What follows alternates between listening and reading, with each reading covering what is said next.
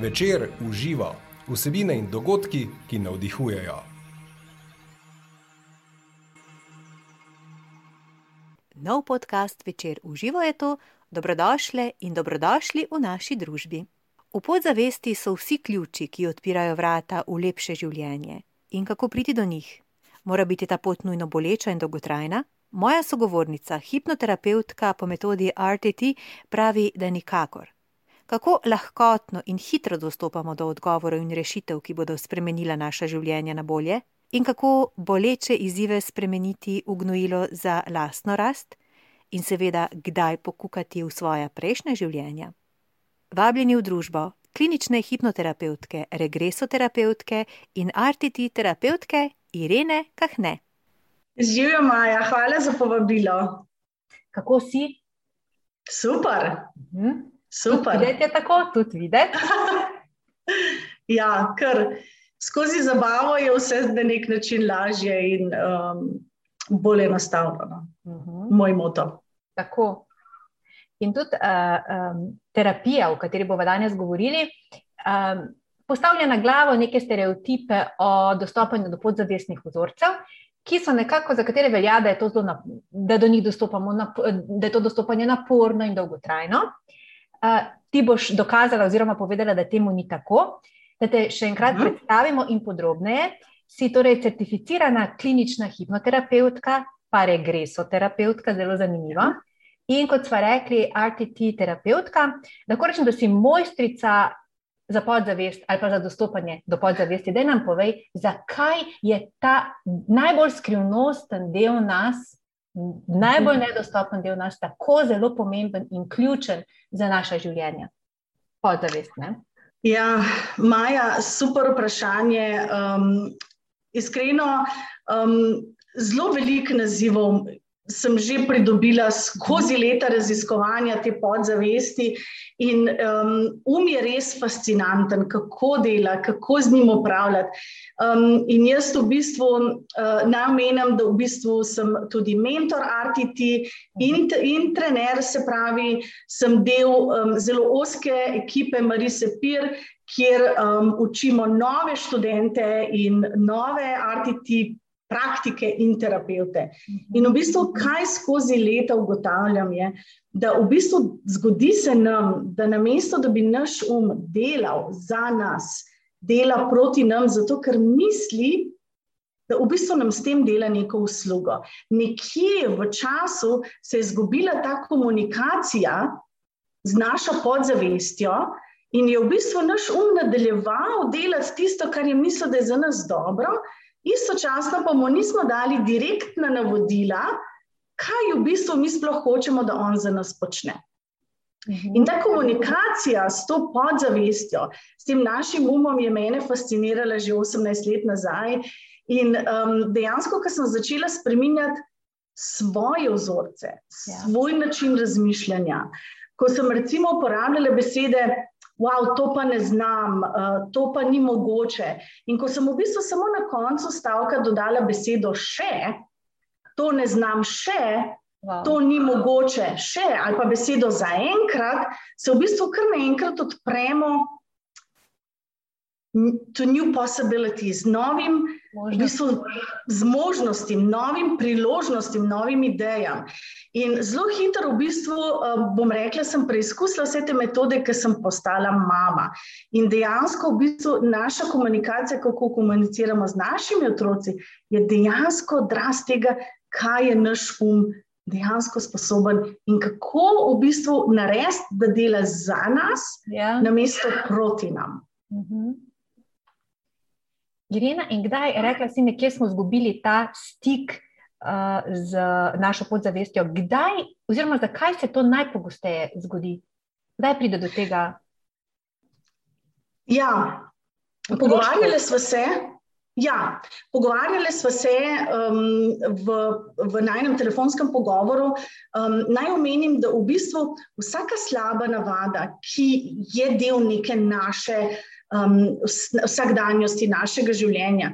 V bistvu vsaka težava, ki jo imamo, ne vem, glavoboli, bolezni, um, grizenje nohtov, kajenje, vse te neke slabe navade nikoli niso nastale iz tega, da v bistvu mi sebi škodujemo. Uh -huh. Ampak so vedno nastale v bistvu iz neke koristi. To, ja. In to je zelo težko razumeti, da nekdo reče. Ja, pa nisem si jaz želela, da bi imela migrene, nisem si jaz želela, da bi bila vedno bolana. Um, rada bi nehala kaditi, nisem si želela, da bi postala odvisna od cigaret. Ampak dejstvo pa je, da v nekem določenem trenutku, um, ko smo mogoče začeli kaditi, smo bili kul, cool, smo bili del neke ekipe, smo bili del neke skupnosti. Mogoče um, smo bili bolj všeč fantu, ki je kadil ne? in je v bistvu radila neka korist. In ko smo, ne vem. Zdaj to si pa zmišljujem, neke um, zgodbe, ampak lahko da nas je takrat ta nek fant opazil. In naša podzavest je v bistvu sprejela informacijo, da če kadim, dobim pozornost. Ampak ko odraščamo, um, v bistvu bi morali skozi odraščanje nadgrevati tudi ta neka prepričanja.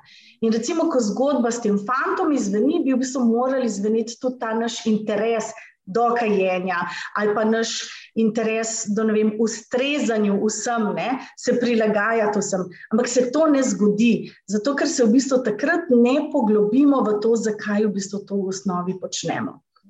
In dala ti bom mesto en zelo dober primer. Um, in sicer, ne vem, ko smo otroci, ne, uči, so nas vedno učili. Vem, pa pozdravi gospod na ulici, pa da ji pomagaj, pa priskoči sosedu, kako si travo, pa bodi prijazna, pa bodi to, pa bodi tisne. In v bistvu, ko smo na voljo vsem in ko ustrežemo vsem, ko pomagamo vsem, smo kar enkrat zelo pohvaljeni. In slišimo besede, wow, kako si pridna, ja, ti si pa res pridna punčka. Ampak pridemo v odraslo obdobje, ko v bistvu počnemo iste te stvari, ki smo jih počeli kot petletnik, in istočasno se pa počutimo izkoriščeni, vsi teptajo po nas, vsi hodijo po nas, mi pa ne vemo zakaj. Ampak naš um še vedno čaka tisto pohvalo, zato ker se ni zgodil tisti nek preskok. V našem življenju, da nam je nekdo rekel, ne vem, Glej, Irena, Maja, zdaj pa ni več primerno, da si vsakmo na razpolago, zdaj si pa stara tok pa tok, je pa čas, da se mogoče malo postaviš zase. Um, in v bistvu ne pride do te ločitve tega prepričanja. Ne? In tudi super prispodoba je, um, ker smo se pogovarjali o Dudi in plenici. Ne? In Duda in plenica sta bile postavljene v naše življenje iz neke koristi. In če se predstavljamo enega 40-letnika, kako dokrog s plenico in Dudo, bi kar naenkrat rekel: Wow, kako se ne morem tega otresne. Ampak v teh določenih primerih smo imeli ključen trenutek in ključno osebo, ki je rekla: Lej, ne vem. Maja, zdaj pa si stara dve leti, zdaj pa tudi, kaj ni več zate, in smo se od tega odvajali. Pleničko, da imamo odvajati od pleničke in se tega ločimo. Se pravi, smo nadgradili te notranje procese, glede na našo zunanjost, glede na naša leta. Pri določenih prepričanjih se pa pač to ne zgodi. Ne? In zato potem smo kar naenkrat 40-letnik, um, ki ima neke določene težave, ki dejansko izvirajo iz otroštva. Ja.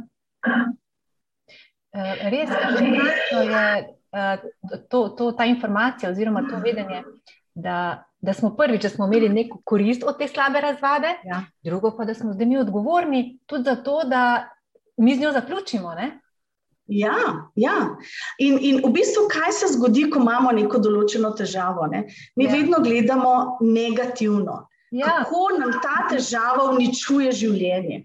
Ampak, če bi se v bistvu samo vprašali, recimo, vem, imam glavobol, na mesto, da bi v bistvu se osredotočili, kako ta glavobol je meni danes poslabšal dan, mi je uničil dan, da se v bistvu osredotočimo, kakšna korist je meni ta glavobol danes prinesel. In ko obrnemo v bistvu pogled, pogled ja. kakšno korist, v bistvu zelo hitro ugotovimo, ali smo rabili time out, ja. ali smo mogli se mečkano umiriti, um, vzeti čas zase in na nek način naš telo pač nam da vse tiste signale, ki bi jih mi mogli v podzavesti v bistvu že procesirati. Um, in super, super uh, prispodoba, jaz zelo rada govorim o metaforah, je tudi to. da v bistvu, ko odrastemo in če ne delamo na teh notranjih procesih in bomo se tega dotaknili tudi ja. kasneje.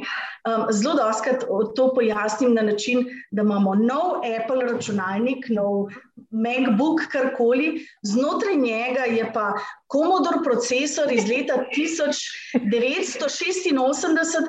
Se pravi, ja, vizualno je to vse super, ampak notranjost pa ne gre skupaj ne? in ta računalnik ne bo delal tako, kot je treba. Uh -huh. In že tudi, ko pogledamo telefone, vsak ima danes telefon.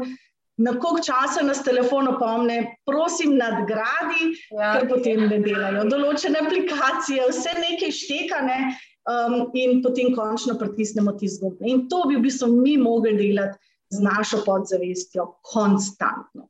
Ja. Točno, torej, zdaj me zanima, kako jo nadgraditi, oziroma kako jo reprogramirati.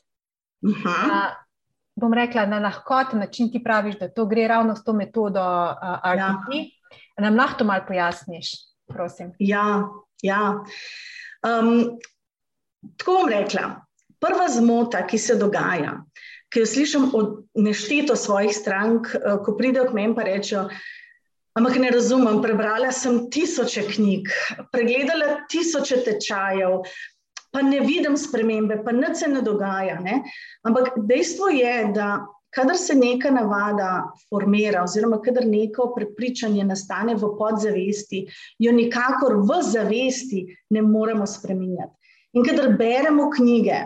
Um, kadar gledamo spletne tečaje, v bistvu vse, kar delamo, je to, da pridobivamo novo znanje. Se pravi, z vsemi temi procesi ne spreminjamo naših prepričanj, Zato, ker vse to, kar počnemo, delamo na zavednem nivoju. Ja. In da bi se neke korenite spremembe zgodile, moramo iti v alfa stanje, ker so v alfa stanju te, ta prepričanja, te navade v bistvu nastale. In um, znanstveno dokazano je, da v bistvu otroci, ki do sedmega leta v bistvu funkcionirajo v alfa stanju, v naravnem alfa stanju. Ne? Ko odrastemo, pač se moramo v to alfa stanje poglobiti skozi meditacijo, skozi umirjanje in sproščanje, ampak otroci v bistvu se učijo v alfa stanju. Oni so non-stop. V bistvu na preži, um, ko rečejo, v bistvu srkavajo, ko gobe. Ne? In da bi neko določene prepričanje spremenili, pač moramo iti nazaj, kjer je to prepričanje tudi nastalo. Um, In v bistvu to je zelo enostavno, da v bistvu gremo v stanje hipnoze, um, da nas v bistvu vodi strokovna oseba skozi, to, um, skozi ta proces, um, da dejansko ozavestimo, predvsem pa gre tukaj Maja za razumevanje. Tako, ker se nekaj, da v bistvu gremo nazaj in da razumemo kakšno korist je ta neka določena težava v nekem določenem obdobju življenja imela. In da potem, kot ne vem, zdaj govorim, recimo, kot jaz, kot 42-letnik, rečem. Aha, ok, smiselno je, da kot 42-letnik nimam dude, zato ker duda je bila koristna, ko sem bila otrok, me je umirila, me je potolažila, ampak zdaj bi bilo malce smešno, če bi kot 42-letnica hodila z dudo okrog. Isto je smešno, da verjamem to, kar um, so verjeli moji sošolci, ko sem bila stara pet, sedem ali pa deset let, ker v bistvu sem zdaj odrasla ženska in lahko sama formiram pač neka svoja prepričanja. Ne? Ampak moramo iti tja. In RTT metoda je resnično učinkovita pri tem, ker se v bistvu ne ukvarja s posledico. Ne ukvarja se z 42-letno Ireno, ampak se ukvarja s tisto petletno Ireno, kje je ta petletna Irena bila prizadeta, kje je dobila neko prepričanje um, in v bistvu gremo k vzroku. In to je, um, bom rekla, life changing. Včasih ne najdem slovenskih besed, ampak resnično je to potem. Um, Tisto pravo, ko pridemo do tega razumevanja, zakaj je nekaj prisotno v našem življenju. Um, da se dotaknem same RTT metode, Um, RTT metodo je ustanovila Marisa Pir iz Londona. To gre v bistvu bom rekla, za 30 let izkušenj na področju um, psihoterapije, vključila je zelo veliko nekih metod v samo tehniko, od NLP-ja, um, regresije, kot si rekla, do nekih šamanskih um, not. Se pravi, RTT je resnično ena taka unikaten, en tak unikaten pristop k neki sami terapiji. Um, in hipnoza v bistvu je res samo tudi en del vsega tega, ker se pač v hipnozi vse skupaj dogaja. Um, različna, razlikuje se od klasične hipnoze, hipnoterapije. Tudi to je zelo, mislim, zelo pomembno, da omenimo, da pri klasični hipnozi v bistvu imamo tehniko poglabljanja v trans in potem delamo sugestije, kjer v bistvu sidramo neka nova prepričanja. In klasična hipnoza se v bistvu ne ukvarja z vzrokom neke določene težave. Ne. RTT pa v bistvu dela, uh, bomo rekli, to poglabljanje v hipnozo, potem imamo pa en kup enih tehnik. Um, v, v sklopu, bom rekla, ko smo v tem globokem, sproščenem stanju, in potem v bistvu imamo sugestije na koncu, ko stranka pride do razumevanja, zakaj je ta težava prisotna. To je um, nekajkrat nagrajena metoda. Um, jaz sem v bistvu um, se to, te metode učila um, izmed prva v Sloveniji, uh, štiri leta nazaj. Kot sem omenila, vmes sem postala v bistvu tudi RTT trener in tudi mentor novim študentom. Tako da sem zelo privilegirana, da v bistvu to znanje predajam drugim in novim študentom, ki v bistvu spreminjajo življenja širom sveta. Um, tako da, ja, lahko čutiš, kako je navdušenje. Ja, se je, ja. Mislim, res. Uh, in sploh mi je všeč to, da podčrtava pri tej metodi, da um, gre za spoznavanje oziroma za razumevanje nekega, neke težave. Ne? Ja. Da gremo v koreninam. Tako, tako. In, in se tam očisti. Uh -huh. uh, Ker Irena, zelo zanimivo mi je to bilo, ne, um, ko smo se malo prej tudi pogovarjali, omenila sem, da si tudi regresoterapeutka. Uh, pa me zanima, lepo si rekla, da tudi v tej metodi je tudi ta element regresoterapije upleten. Um, in me predvsem zanima, zakaj, glede na to, da z, z RTT-jem uh, se vračamo v obdobje otroštva, tam smo rekli, v sedmih letih se mi sprogramiramo. Zakaj, Irena, bi se pa jaz, recimo, uh, vrnila v, pre, v eno izmed svojih prejšnjih življenj, z regresoterapijo, koliko mi to lahko koristi, mhm. oziroma ali to kaj koristi pri razreševanju mojih težav tukaj in zdaj, oziroma izzivov. Mhm. Um, super vprašanje, Maja, in doskrat ga dobim. Um, osebno verjamem, da v tem življenju je super, da se razrešujejo stvari, ki so se zgodile v tem življenju. Se pravi, da se poistovetimo z neko zgodbo, da se dotaknemo neke travme, ki jo lahko v bistvu čustveno podoživimo. In um, tako bom rekla, vsak dogodek sam po sebi nima nikakršnega pomena, mhm. dokler temu dogodku ne dodamo čustva. Ja. In recimo, če smo bili otrok, ki je bil zelo izpostavljen vem, nasilju, lahko vem, na tem mojem stolu ali preko zuma, v bistvu to čustveno na nek način doživimo, podoživimo in v bistvu s temi čustvi se ukvarjamo. Kadar pa v bistvu gledamo prejšnje življenje, se pa doskrat zgodi, da se čustveno ne moremo um, na enak način poistovetiti kar ta trenutek v tem življenju ne znamo z našimi čustvi doživeti. Ne? In um, recimo, ko delamo, ko bi recimo razreševali neke določene um, stvari v tem življenju, v bistvu nam prav veliko ne pomaga, da razumemo, da smo bili nekega dne zažgani na grmadi, ker se s tem čustveno ne moramo poistovetiti. Um, regresija v prejšnje življenja je super tehnika um, in zelo veliko se jo poslužujem, ker ljudje iščejo odgovore v smislu, zakaj um, zakaj sem na tem planetu, kaj je moje poslanstvo, um, zakaj imam neko določeno stvar, ki mi je na nek način prirojena. Menila sem ti um, primer moje klientke. Um, ona je bila odnegdaj zelo, zelo občutljiva na živali. v smislu, da je bila že vem, eno leto stara, ki je deževnike pobirala, jih reševala. Se pravi, to ni bil nek vzorc, ki je izhajal um, vem, iz vzgoje, ja. ampak od vedno je imela zelo tak močen. Močno povezavo do živali, in danes je veterinarka, um, in v bistvu hotela je vedeti, iz kje to izvira. Mhm. Um, ker nihče od ožje družine ni bil nikoli tako povezan na tak način, um, in v bistvu smo delali regresijo prejšnje življenja. In zelo zanimivo je bilo, v bistvu, ko je podoživela da je bila en tak škratek, živela na drevesu. Takrat so te zgodbe dobijo, bom, bom rekla, zelo nove dimenzije razumevanja. In ona je resnično podoživela v bistvu to življenje kot ta škrat. In ona se je v bistvu opisala kot varuh gozda in varuh živali. In da je v bistvu bila njena misija um, na nek način, da to skozi življenja potem prenaša. Um, in isto je potem to postala v tem življenju, um, in je bilo res tako fascinantno, kako natančno je določene stvari opisovala.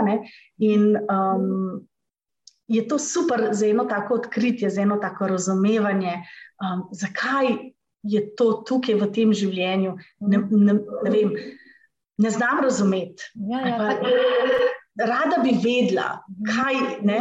Um, tako da super, super tehnika.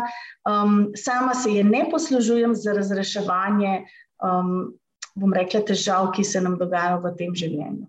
Um, tako da jo pa zelo veliko uporabljam za take stvari, za nekaj pozitivnega, da doživimo neko izkušnjo, um, da doživimo neko popotovanje v prejšnje življenje. Tako, um, je pa res tako fascinantna um, pustolovščina.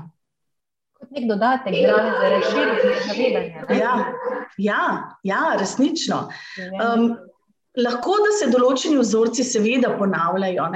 Um, in, in zanimivo bi bilo gledati, recimo, ne vem, um, sploh recimo osebe, ki so spostavljene zlorabi. Um, in da v bistvu lahko, kadar gleda, gledamo prejšnja življenja, bo verjetno izhajalo tudi neka zloraba iz prejšnjih življenj, ampak v sam namen same terapije, ki jo izvajam.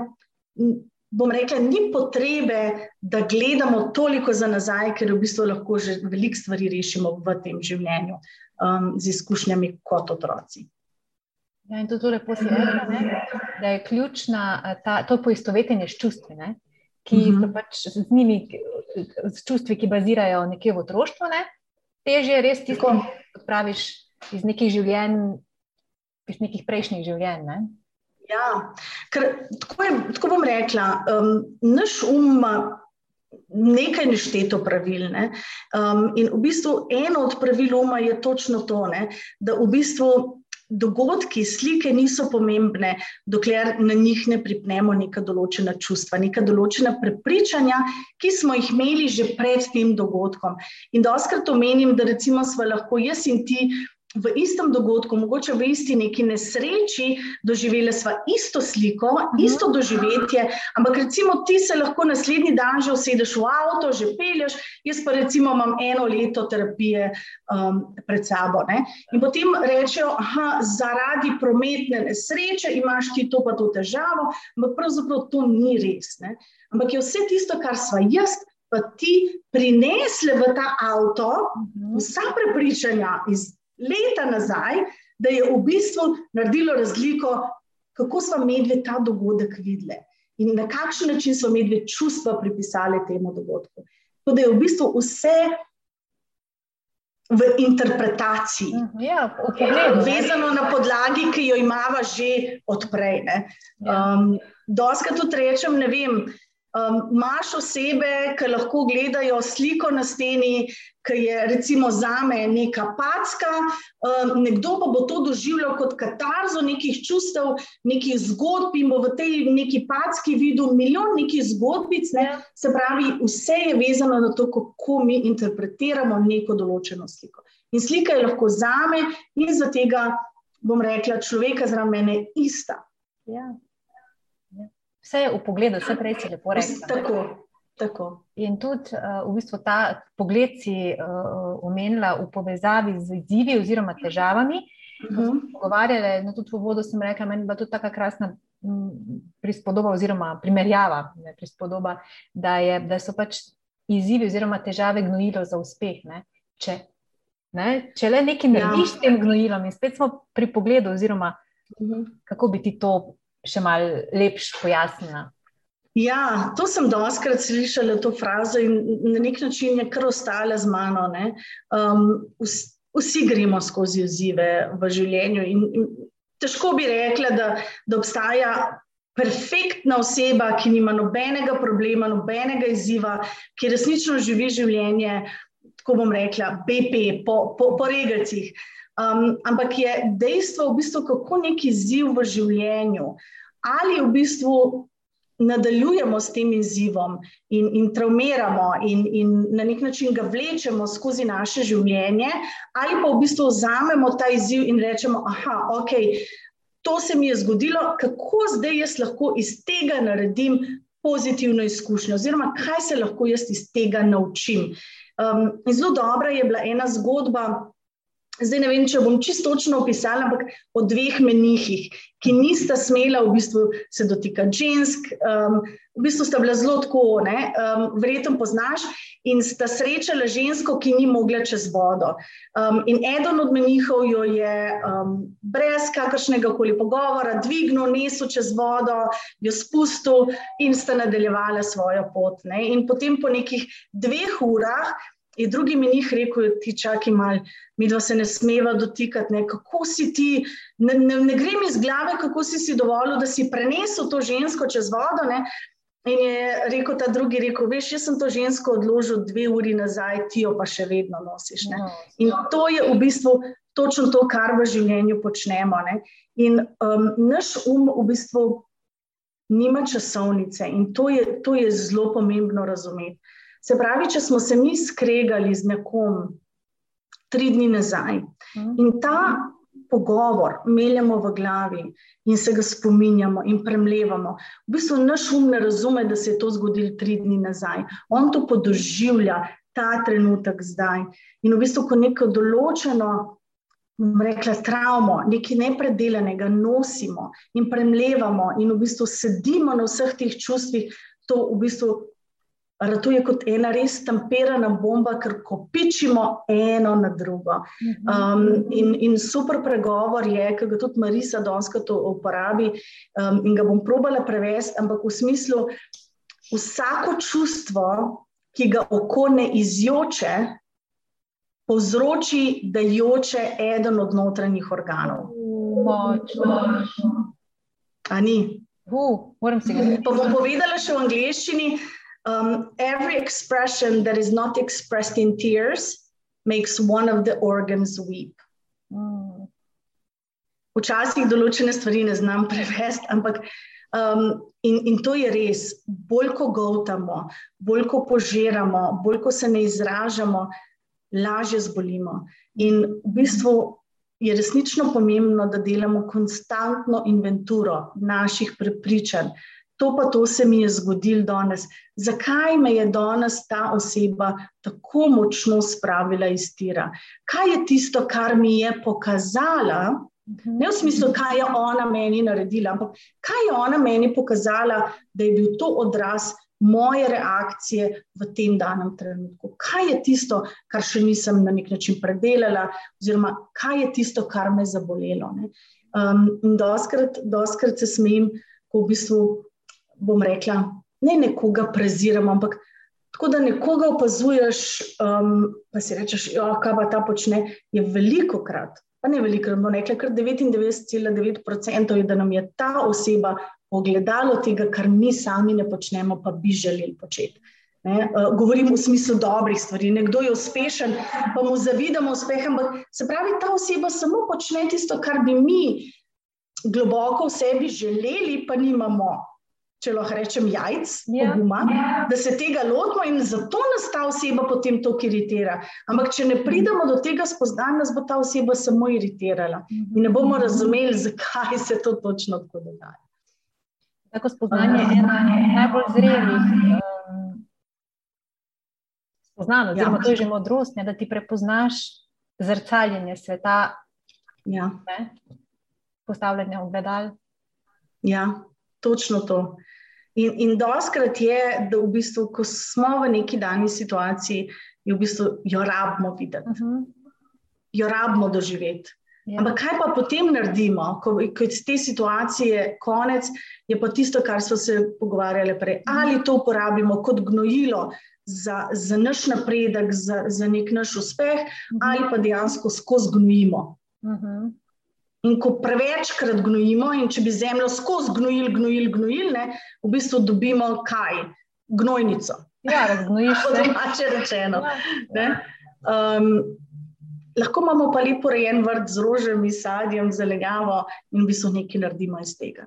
Ampak je to vse odvisno od nas, koliko smo pripravljeni investirati vase. Mhm. In kaj sami sebi sporočamo, ko recimo um, dobimo priložnost za nek napredek, pa rečemo, ne, ne, ne bom se zdaj delala na sebi, oziroma nimam zdaj časa se s tem ukvarjati, v bistvu damo sebi vedeti, da, da nismo pomembni. Mhm. In, in to, je, to je res, bom rekel, tako ena zelo tako žalostna, mhm. žalostno spoznanje, ko v bistvu vidiš, koliko takih ljudi je, ko v bistvu nimajo časa delati na sebi in v bistvu dajo samo sebi vedeti, da nisi mi tako pomembna. Vse ostalo je pred tamo. Um, in prej slej v bistvu ta nek notranji otrok, ki kliče po pozornosti, ki hoče neko um, neko toplino, neko ljubezen, neko um, naklonjenost, se nam izraža v obliki neke težave. Ne. Uh mhm. -huh. In takrat pa pač mu moramo prisluhniti. Ker nekaj časa nas bo cukal za rokav, ne tako kot vsak normalen otrok, potem pa, če ne bomo mu dali pozornost, bo doživel pa. Kako se reče, eksplozijo nekih čustev. Ne, um, In v bistvu takrat je pa že prepozno, takrat pa ga zelo rabimo več časa, da umirimo tega otroka, da vidimo, v bistvu, kaj nam je sploh odpovedati. In isto je s tem našim nekim notranjim otrokom, v bistvu z našo podzavestjo. Um, tako da. Rina, sicer pa tudi ti si imela izkušnje, um, ki si jih uspešno pre, pretvorila ali pa spremenila v gnojilo za uspeh. Um, pa da, se kar ne vem, mogoče najprej ustaviva pri tvoji bolezni, oziroma se o tem odprto govoriš, imela si raka. Ja. In je bil to en klic v življenje. Uh, ja, res. Um, vedno sem verjela, da je treba še nekaj narediti, da bo pravi čas. Um, zelo sem imela izziv s tem.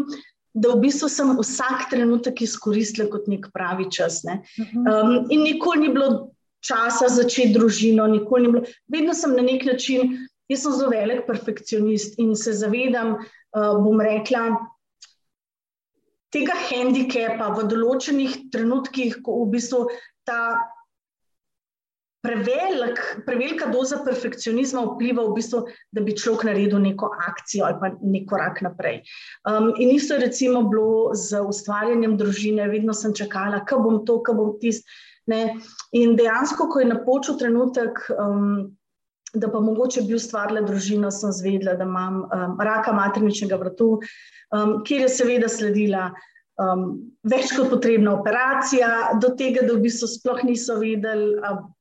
Mi, mislim, kako daleč se je to razširilo, ali se je dotaknilo maternice, se ni, na koncu se je dobro razpletlo. Um, sem se pozdravila, um, imela sem težave z nositvijo. Tudi to smo uspešno potem, bom rekla, prebrodili. Mhm. Ampak kaj se je zgodilo? V bistvu, ko sem končno roče dobila tistega dolgo pričakovanega otroka, um, sem spoznala, da imam poporodno depresijo. Kar za me takrat v bistvu ni imelo nobenega smisla. Mhm. Kako se v bistvu sem si želela otroka, ne vse tako. Ne, in v bistvu takrat so vsa tista znanja, ki sem jih imela dolga leta prej, prišla um, v poštev. Da sem v bistvu pogledala vase, zakaj sem žalostna, iz kje to izvira. Um, Kaj je v bistvu ta otrok prinesel v moje življenje, zakaj so ta čustva priplavala. In to je bil res en tak proces, skozi katerega sem mogla iti, da sem v bistvu dojela nauk mhm. um, tega izziva, skozi katerega sem pač osebno jaz morala iti. Um, in ja, super, danes imam dva zdrava otroka, vse super. Um, in sta mi največja lekcija v življenju. In jaz pravim, če ne bi bilo njih v bistvu zelo veliko stvari o sebi, uh mhm. -huh. ne bi danes vedela. Definitivno. Um, tako da. Zanimive so vse te izkušnje, pace, ampak lahko pa bi tam ostale, lahko pa bi rekla, se smila sama sebi v bistvu um, in pač ne nadaljevala pot. Ampak um, spodbujamo vsako, ki gre skozi bilo kakšen izziv um, na, na netu. Um, toliko je brezplačnih vsebin, da oskrat velja tiste zmotane. Um, ja, pa nimam denarja začeti nekaj, pa nimam denar vem, za tako pomoč. Tako. Um, jaz sem resnično takrat začela um, iskati brezplačne vsebine. Um, toliko je tega na internetu, ki je že dostopnega. In v bistvu zelo velikokrat si postavimo zelo visoke cilje. Ne? Zelo gledamo, da hočem biti milijonar, hočem jutri shujšati 40 kg, hočem vse to jutri. Ampak na nek način, kar sem spoznala, da v bistvu sem se osredotočila samo za ta en trenutek naprej. Da sem danes eno minuto boljš, pa jutri eno minuto boljš, pa tretji dan mogoče samo dve minute boljš. Ampak prišla sem do tega, da dejansko sem se zbudila z nasmehom. Ampak ne gre pa to, ne vem, če, bom, če sem v depresivnem stanju, da si rečem, da si ponavljam mantre, jaz sem pa srečna, jaz sem pa vesela. Ne deluje to tako. Zakaj ne? Zato, ker v bistvu moramo biti usklajeni z vibracijo. Ja tega, kar hočemo pri, priklicati. In še eno pravilo uma, ne, zelo doskrat omenjam ta pravila uma, je, da v bistvu naš um ne prenese konfliktnih prepričanj. Uh mhm. -huh. Naš um nas bo vedno peljal k užitku, na mesto k trpljenju, vedno nas bo, vedno bo užitek zmagal od trpljenja. In v bistvu, kaj to pomeni? Se pravi, če nam je telovadba napor, -huh. On pa ve, da je bolj lušten ležati na kavču, pa se stiskati, pa gledati serijo. Ne? Bo mogoče prvi dan, ko boš ful motiviran, pa šel v fitness, bo rekel, ok, okay da vidimo, kako daleč bo šlo. Ampak naslednji dan bo že testiral in bo rekel, zdaj bi bil pa rajš na kavču. Ne? In v bistvu, ko popustimo in se predamo v žitku, naš um reče, ok, super, se pravi, tukaj uživaš, nočem, da trpiš, se pravi, bom spodbujal to, da si več na kavču. Um, in, in to je v bistvu vse nauk tega. In kadar uživamo v nečem, ne moramo um prepričati, da bomo zdaj pa delali nekaj, kar nas na nek način mori, ovira, nam je v stres ne bomo mogli ustrajati pri tem. Zato, v bistvu, da naredimo neko spremembo v življenju, je, da naredimo mehke korake, ampak predvsem, da v teh mehkih korakih uživamo, da vzpostavimo novo navado in da um naučimo, kar mu je bilo prej neznano, znano. In to naredimo s ponavljanjem. Uh mhm. -huh. Še eno pravilo uma je, um uči s ponavljanjem. In ni nobenega drugega načina, kako narediti neke korenite spremembe. Um, nekateri znanstveniki pravijo, da pač traja 21 dni, um, da se formira neka navada. Tako. In v bistvu tudi znotraj RTT terapije, um, ko končava recimo delo ena na ena, se prejme personaliziran posnetek, ki se potem posluša naslednjih 21 dni. In um, mogoče na začetku, ko reče, ok, Tako jaz si zelo doskrat vizualiziram, kako moj um mene testira. Ne? In recimo tako rečem, aha, ok, zdaj pa je ona spet začela nekaj novega, bom pa videla, koliko časa bo ustrajala. Ne? O mojem umu doskrat govorim v moški obliki, pa to specifično za me. In potem tretji dan reče, aha, Irina še kar ustraja, ok, bom še malo pustil. Ne? In potem v bistvu ko ustrajam, potem nekje sedmi, osmi dan že reče, o, o, čakaj, zdaj moram pa jaz slediti. Zdaj pa ona to kar ponavlja, je pa očitno se moram jaz vključiti v ta proces, ker ona še kar ustraja. Ne? In potem v bistvu nekje na 21. dan reče, ok, I give up, um, se prepuščam, očitno je to zdaj tisto, kar hočeš. Um, ker dejansko gre za to, da v bistvu naš, naš, naš um ne razume, če mu ne damo direktna navodila, kaj sploh hočemo. In ko govorimo o teh konfliktnih prepričanjih, ne, je, recimo primer konfliktnega prepričanja je ta, ne, wow, uh, imam rada pico, ampak moram shujšati. Uh -huh. Se pravi, eno z drugim ne gre. Um, ali pa recimo, joj, najraje bi bilo v zadju, ful mi je dobro v zadju, ampak hočemo spet kot govornik. Ne? Se pravi, naš um potem ne ve, čak je zdaj, ali bi bila rada v zadju, ali bi bila govornik. Ne? In potem v bistvu nas vedno vrne, bom rekla, k udobju. Ne? Se pravi, sem potem vedno v zadju. Um, in to je tisto. V bistvu moramo definirati sporočilo in z našim umom govoriti na način, da je jasno, da damo jasna navodila in da se v bistvu izrazimo, kaj sploh hočemo. In fulj zanimivo, Maja, recimo, ko vprašam svoje stranke, kaj hočeš, kaj, je, kaj želiš doseči. Um, bom rekla, da 80% ljudi začne, nočem se več počutiti tako. Nočem biti več nesrečna, nočem biti več to. Redko kdo začne stavek, želim si. Pa zakaj?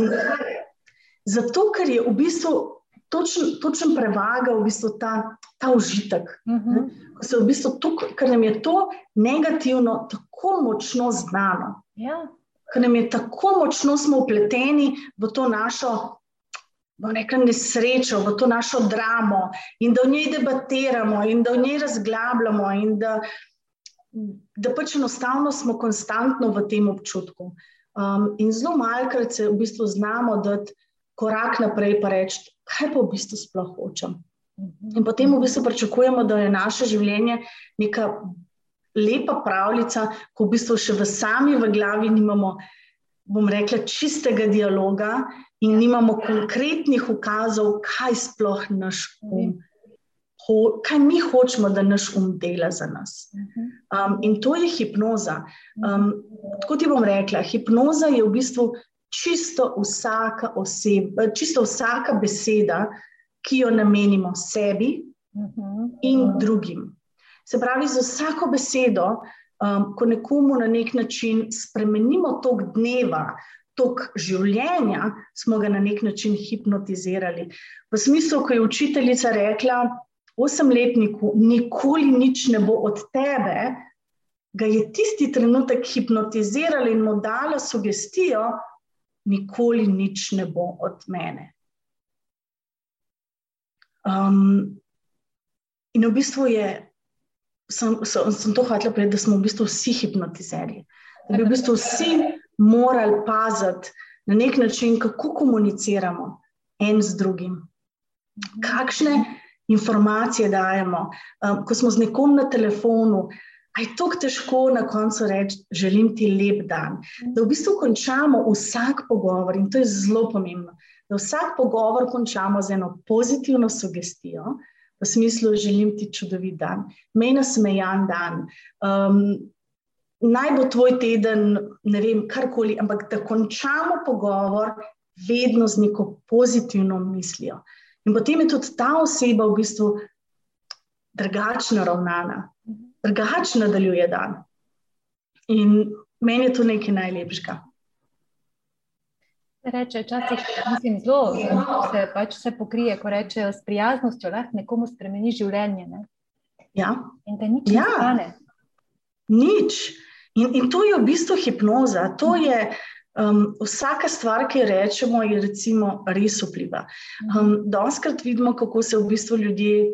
Izražamo v prvi osebi, in to je en tak prvi pokazatelj, kako v bistvu en druge hipnotiziramo, ne vedi, pa ne namenoma.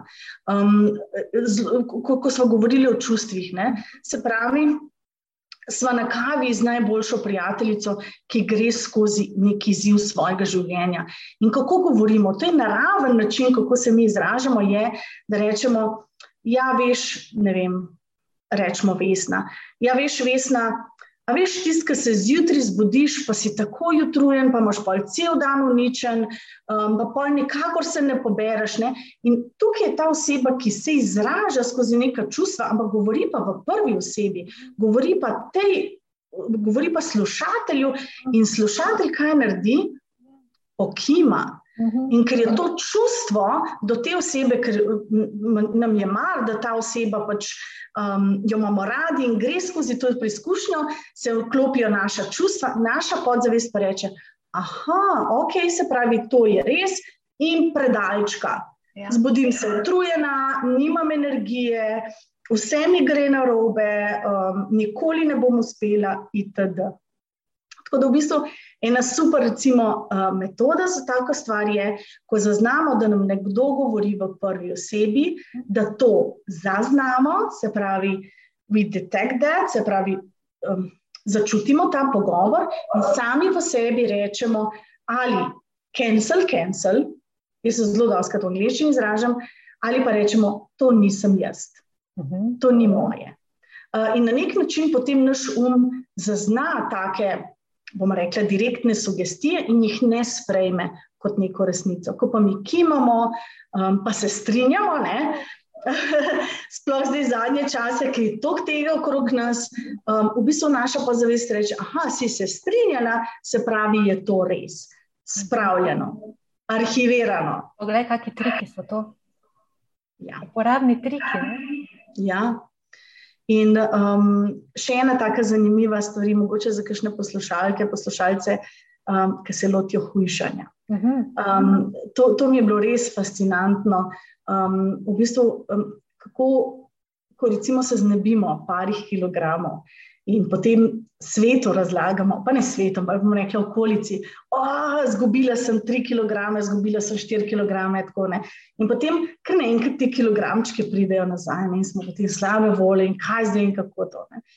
No, in v bistvu se pravi. Spet pravilo uma je, ne, um, da nas pele k tistemu, v bistvu, stran od bolečine, ne, pele na stran bolečine, vedno k užitku. In če pogledamo vse stavke slovenskega jezika za besedo izgubiti, mhm. besede izgubiti nima nikjer, ampak prav nikjer pozitivnega pomena. Nikjer. Izgubila sem službo, prva misel je, moram jo dobiti nazaj. Izgubila sem ljubljeno osebo, ko bi jo vsaj imela spet o sebi, želim si, da bi bila spet ob meni. Izgubila sem, ne vem, želim to nazaj in to moram pridobiti nazaj. In ko mi kar naenkrat razlagamo, da oh, izgubila sem 4 kg, naš um potem ne loči, da je to nekaj pozitivnega, ampak on reče: Izgubila je 4 kg, oh, ne, ne, ne, ne, ne, jaz bom pa zdaj naredil vse, da boš to dobila nazaj, ker jaz nočem, da si ti kadarkoli v izgubi. In v bistvu se potem vprašamo, čakaj, kako pa si kako sem zdaj padla nazaj, pa to sem bila dobra. Tako da v bistvu skrbno zbiramo. Um, jaz rečem, znebiti se, otresti se, um, zmanjšati težo, ne vem, karkoli, samo pač ne izgubiti. Um, in je res ključno v bistvu, kako uporabljamo te besede in kako jih naš um dojema. Um, imela sem eno tako zelo zanimivo izkušnjo z eno, um, z eno stranko, ko v bistvu um, sem v angleščini rekla, da eksplodira od energije. Ne? In um, ko je bila mehna, je v bistvu bila priča eksploziji v kuhinji, um, ne vem, nek aparat je eksplodiral, v glavnem imela cele travme od tega. Um, in je rekla, vsakič, ko slišim besedo.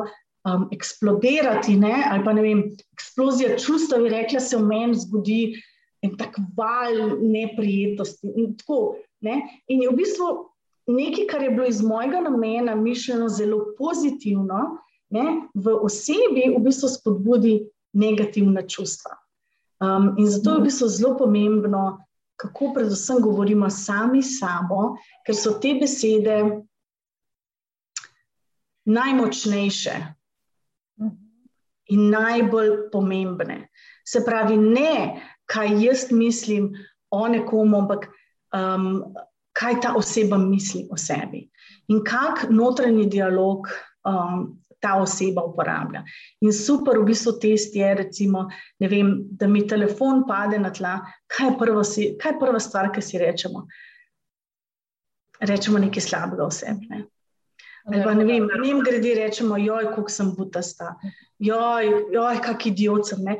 In v bistvu vse to so tako besede mimo grede, ampak v nas pa v bistvu puščajo neke odtise. In zelo veliko povejo, kako se v bistvu mi sami o sebi izražamo. Um, in jaz doskrat rečem, to je isto, kot da bi svojemu otroku nekaj tasga rekel. Mu ne rečeš, zato ne govori to niti o sebi. Um, in, in to je res, v bistvu so res taki mehki triki, ki jih lahko vsak dan naredimo, da si polepšamo dan, da si v bistvu polepšamo življenje. In da se obkrožimo tudi z ljudmi, takimi, ne, ki ja. vibrirajo ja. na, um, na, naši, na, na našem nivoju, ne, oziroma so, smo usklajeni vibracijsko. Ja, ja. Ko, ko mi dvignemo svojo vibracijo, v bistvu začnemo privlačiti take ljudi.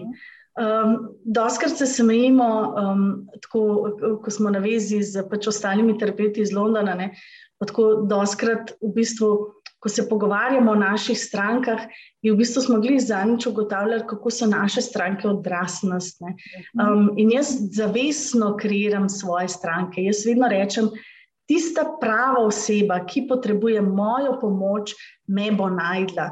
Um, in na nek način vedno sem uglašena s tem, kakšen tip stranke pride k meni. Um, in, in to je fulj zanimivo, da v bistvu kako zavestno ustvarjam nek svoj posel, neko svojo klientelo, da v bistvu za vsako stranko res navežem en tak um, čudovit odnos. Um, take čudovite ljudi, ki so pripravljeni delati na sebi, um, ki so že naredili neke določene korake v življenju in v bistvu rabijo samo tisto piko na i, da bistvu se premakne iz točke A in iz točke B. In vedno dobim zelo tako investirane ljudi. Um, in to je bilo zanimivo, ko smo se o tem pogovarjali, v bistvu ta namera, ne, kakšno namero mi pošiljamo v vesolju. In točno take osebe potem v bistvu na nek način tudi privlačimo.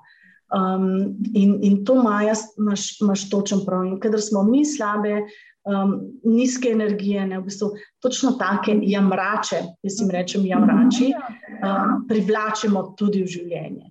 Um, in ko daš nek konkreten nasvet, ne, reče, ah, to na meni tako ne bo delovalo.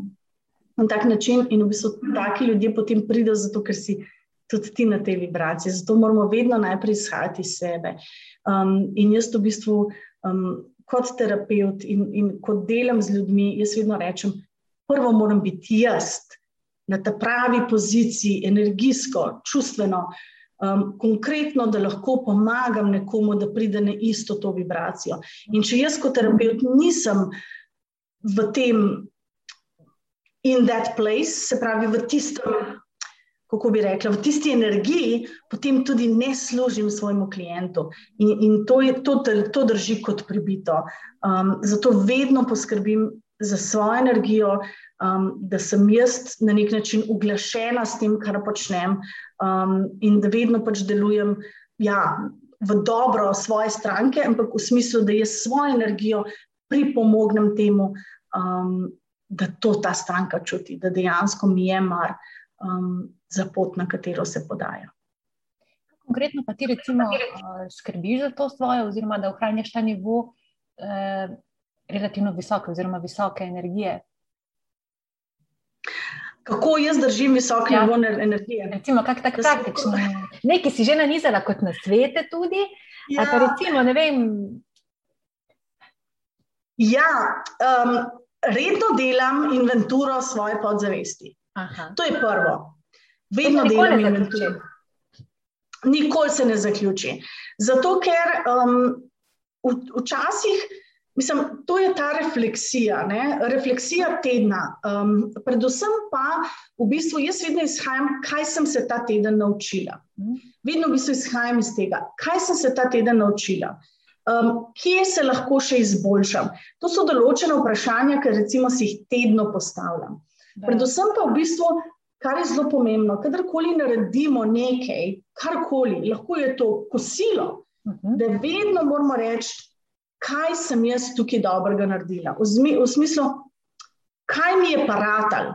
Ampak mi doskrat rečemo, ne vem, nekdo pohvali ne vem, o, ful si dobro to skuhala, ah, lahko bi malo bolj posolila. Pa, Vedno izhajamo najprej iz te negativne.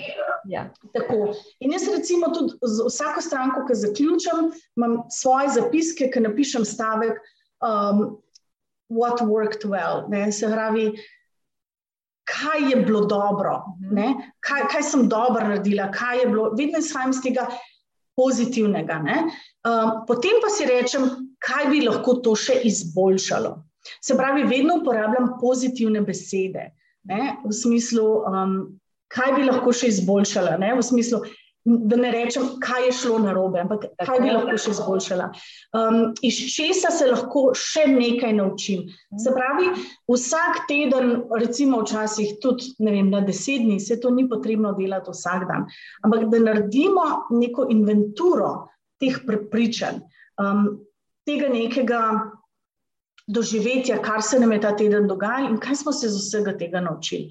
Um, zelo ena taka lušna metoda je, ki sem jo tudi delila na Facebooku, um, se pravi, zato ker metoda. Ne vem, kako se imenuje, pač to je tako prišlo, ampak v smislu, recimo, da imamo naziv pred javnim nastopanjem. Pa da je v vzeti, ne vem. Ja. Um, se pravi, jutri imam prezentacijo v službi, počutim se, da je va reči. Strah me je, ne? oziroma ne gotovo. Tako, tako. In v bistvu, kaj naredimo, vzamemo navaden list papirja, A4 in začnemo. Strah me je jutrišnje prezentacije, zato ker. Mhm. In končamo stavek, zato ker se bojim, da bom pozabila besedilo. Ja. In v bistvu v novo vrstico začnemo s tistim, s čimer smo končali. Bojim se, da bom pozabila besedilo, zato ker, zato ker ne bom imela dovolj časa, da se pripravim. In potem spet v novo vrstico. In na nek način lupimo, kot da bi lupili čebulo, plast po plast. Um, in doskrat v bistvu na koncu pride tako banalna zadeva, ki rečeš, Čakaj, zaradi tega se jaz zdaj obremenjujem, zaradi jutra. Pa vse to pa jaz lahko naredim. Ne, ne vem, da pet minut nekaj delaš, ne vem, si vzameš zase čas, ali pa še enkrat prebereš besedilo, ne vem, karkoli. Ampak ta zato, ker dejansko ti lupi plasti prepričanja, za katerega si v bistvu ti ustvaril in misliš, da je res, istočasno pa na koncu gotoviš, pa rečeš, da se to je samo izmišljeno. Ne. Um, in doskrat, um, doskrat jaz med študenti uporabljam um, tole. Ne? Se pravi, dvomi v svoje dvome, nikoli ne dvomi v svoje sposobnosti. Kadar se ti pojavi dvom, ustvari dvom za ta dvom. Ja. Nikoli pa ne dvomi v svoje sposobnosti. In kadarkoli se ustvari dvom, pa je trditev ni več resnična. Super. Prvič, ko smo, ko smo zvedeli, da mogoče dedek mrz ne obstaja, je v bistvu kar naenkrat tako le čarovnija izginila, -hmm. ker se je ustvaril dvom. Ne? In isto tako, kadar smo pred nekim izzivom, um, vprašajmo se, ali je to sploh resnično. Ali je to, kar jaz zdaj ta trenutek čutim, ali je to sploh resnično. In ko ustvarjamo dvom, v bistvu oduzamemo moč tistemu, zaradi česa smo se obremenjevali. Mhm. In 99% stvari, zaradi, katerih se obremenjujemo v prihodnosti, se tako ali tako ne zgodi. Ampak v bistvu res trošimo našo energijo na prazen način. Mhm. Um, tako da v bistvu dvomi v svoje dvome, nikoli pa ne dvomi v svoje sposobnosti. In, in to si nekam zapišite uh, v opomnik, in, in to je res tisto vodilo. Ko imamo nekaj, kar ne žre, idemo najprej podvomiti v to, da vzamemo temu moč. Potem se pa vprašamo, zakaj je to vzbudilo v meni tako reakcijo. Zakaj je točno to, kar sem čutila? Zakaj soseda, ki mi je rekla, ne smeš tam parkirati kolom, pa ga moš tam, zakaj sem se razburila zaradi tega? Ne? Zakaj? Zato, ker moram, pa kaj bom pa predstavljala, kolo, kakšne veze ima. Ampak tako vprašajmo se, kaj je tisto. Vem, ta situacija me je razburila zato, ker. Zato, ker boste odkrili, bom rekla, zanimive stvari o sebi. Mhm. In ko pridemo do odgovora, ko rečemo, da ok, to je to, nehamo. Ko pridemo do enega tistega banalnega, smešnega, ne vem, Vzroka. zato ker mi je, ne vem, ker mi bo printer, Mhm. zmanjkalo mi bo barve na printerju in bo vse spackano, in jaz ne bom znala prebrati. Aha, ok, se pravi, moram iti k sosedi sprintati, da bom ja imela. Mislim, tako, zdaj je obrnjeno na šalo, ampak dejansko Ja, ja. pride na koncu res taka banalna stvar, mi smo pa naredili iz tega um, dramo. slog. Ja. Ja. Vse Ja, praviš, ne, ko tako. smo se pogovarjali, si tudi rekla, da v bistvu um, z, s to um, metodo, z RTT-jem, da v bistvu odkrivamo, da, da, da, nek, da neka težava oziroma to, kar nas trokira v življenju, bazira na taki banalni, Ja. ne, neki, običajno po neki, neki banalni, nepomembni zadevi iz otroštva, ki se lahko v hipu s pomočjo to, te metode uh, razreši. Ne? Ja, ja. Um, zelo dostakrat povem um, zgodbo enega gospoda, um, pa ne bom rekla gospod, um, če bi poslušano poslušal, da ga ne bomo žalili. No. Mladenič, um, star približno 50 let, um, to je bilo dve leti nazaj. No, on je bil postaven moški, um, bom rekla. Um, Tudi tako, uh, nosu se je zelo lepo oblečen, oglejen, ampak je imel zelo pogrižene prste. In to na nek način, kljub temu, da je bil zelo uspešen, je vedno mogel v bistvu se zelo pripraviti na vsak sestanek, vse svoje gibe je imel naprej premišljene, kako on svojih rok ne bo izpostavil. Ker je bilo to res za njega ena taka, um, bom rekla, en tak handicap, to, ki se je počutil nesuvereno zaradi tega. Um, in v bistvu je bil pred kratkim ločen in je rekel: Jaz ne morem iti spoznati žensko, ki bo videla te moje pogrižene nohte, pogriženo kožo, jaz se hočem tega rešiti. In v bistvu um, sva gledala, um, delala sva regresijo znotraj RTT-ja, in v bistvu se je spomnil dogodka, ko je bil star tri leta, ko je dobil sestrco. In on je bil čisto navdušen na to sestrco in skozi hotel biti ob njej.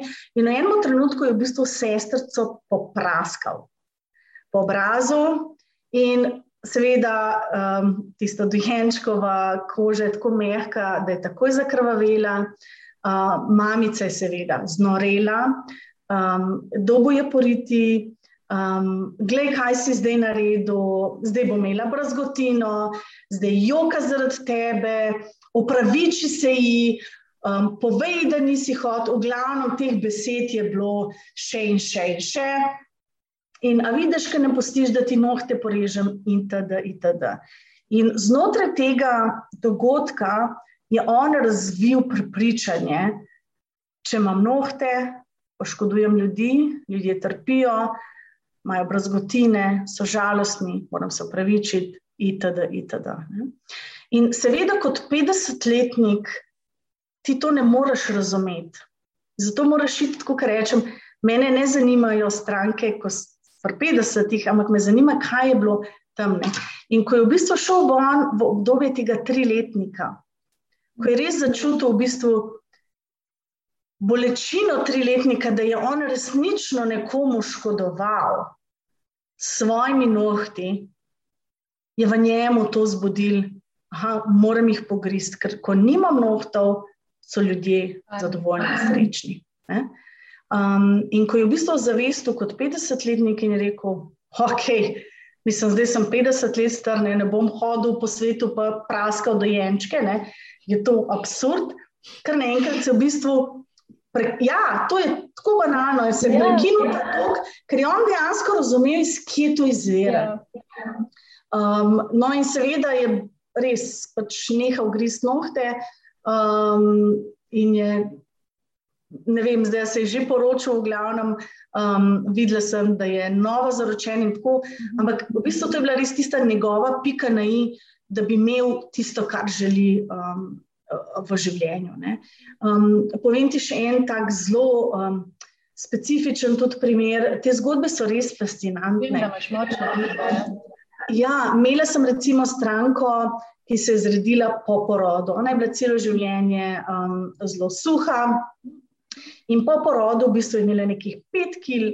Um, več se je odločila, da bo pač shujšala, ker naenkrat je po v bistvu jih pridobila 40. In ujela se je v nek cikl prenajedanja, um, rekla je: Jaz sem sita, pa še kar jem, končamo kosilo, pa že gledam, kaj bom in tako naprej. In v bistvu šli smo nazaj, um, spet v preteklost, v današnje življenje. Um, Spomnila se je, da je bila stara dve leti, um, da je bila v bistvu imela težave s težo kot dveletnica. Um, takrat je zdravnik jo predpisal na neko trimesečno, ne vem, koliko je bila ta um, dieta z nekimi zelenjavnimi juhcami. Uh mhm. -huh.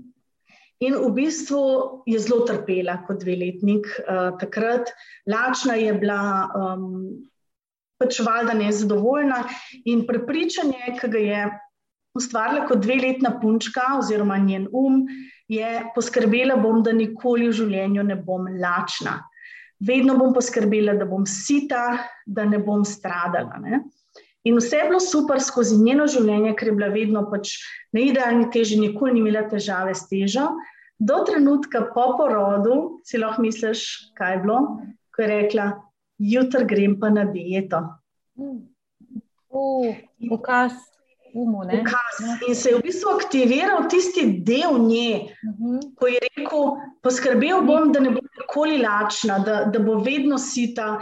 In kar naenkrat je v bistvu aktivirala tistega nekega spečega leva, ali kako bi jaz temu razložila, ker je rekel: O, ne, ne, ne. ne.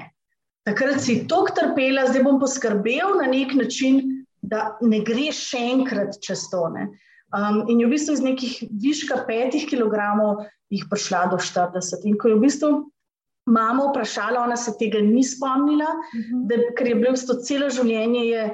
Bila suha, ne, nikoli ni imela spomina, in je mama potem potrdila, da, ja, da je bilo obdobje, ko je bila na nekih teh juhicah, um, ker je v bistvu um, bila preveč, ne vem, malo napihnjena ali kako.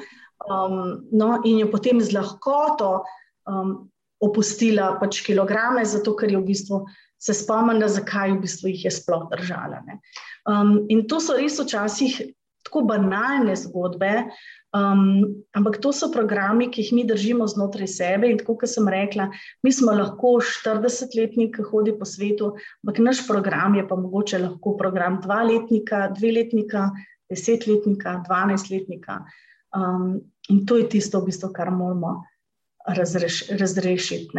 Um, s komer se moramo pogovarjati. Se pravi, pogovarjamo se z dvaletnikom ali pa dvanajst, ne pa s tistim od petdeset. Mhm.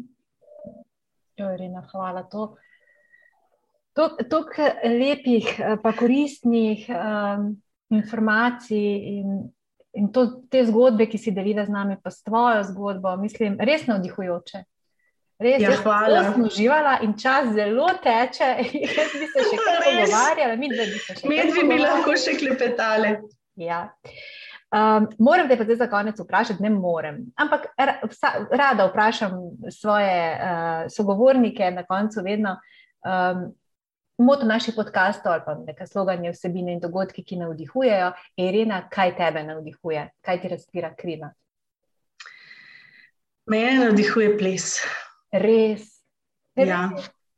Mene navdihuje ples, včasih sem bila profesionalna plesalka latinsko-ameriških plesov. Wow. In jaz, kadar rabim, um, pa tako, to bom zdaj samo te povedala, nobenemu to ne povem. Uh, jaz pred vsako stranko zaplešem. Um, spustim nek komat na ključen na Facebooku, na, na YouTubu in enostavno se samo prepustim ritmom, in to je tisto, kar dvigne mojo vibracijo. Um, da dejansko ti trenutek ne poslušam svoje misli, ne poslušam nič, ampak v bistvu samo prisluhnem svojemu telesu in na nek način se povežem, um, bom rekla, z nekim virom energije, ki mi potem pomaga um, da v bistvu vse, kar naredim v naslednjem koraku, ko stranka stopi, da je vse v njeno najviše dobro. Ponavljam si mogoče neko mantro, ampak ples je tisto, kar, kar dejansko bo vedno dvignilo mojo energijo um, in pomaga. Spodbujamo vsega, kar ima malo mehen dvig energije. Tole pa si me zdaj do so zganila, veš, to je pa taka močna, res, res. Um, krasno, krasno. Hvala ti, Maja. Irena, tebi tudi. Uh, želim ti uspeha, pa veliko preplesanih. Hvala. veliko plesati želim. No? Pa daj ti povedati en tak ples, ker vidim, da obvladaš, da znaš, da si dobra, da si srčna. Um, hvala ti. Da, Rada te poslušam in, in jaz verjamem, da bo vsak najdel en delček zgodbe zase in da mogoče smo danes um, z eno besedo ga hipnotizirali, ja. da bomo imeli lepši dan. Več informacij o podcastih in dogodkih večer v živo najdete na večer.com pošiljka v živo in na Facebook strani večer v živo. Tudi tokrat sem bila z vami Maja Furman, srčno in srečno, dok malu.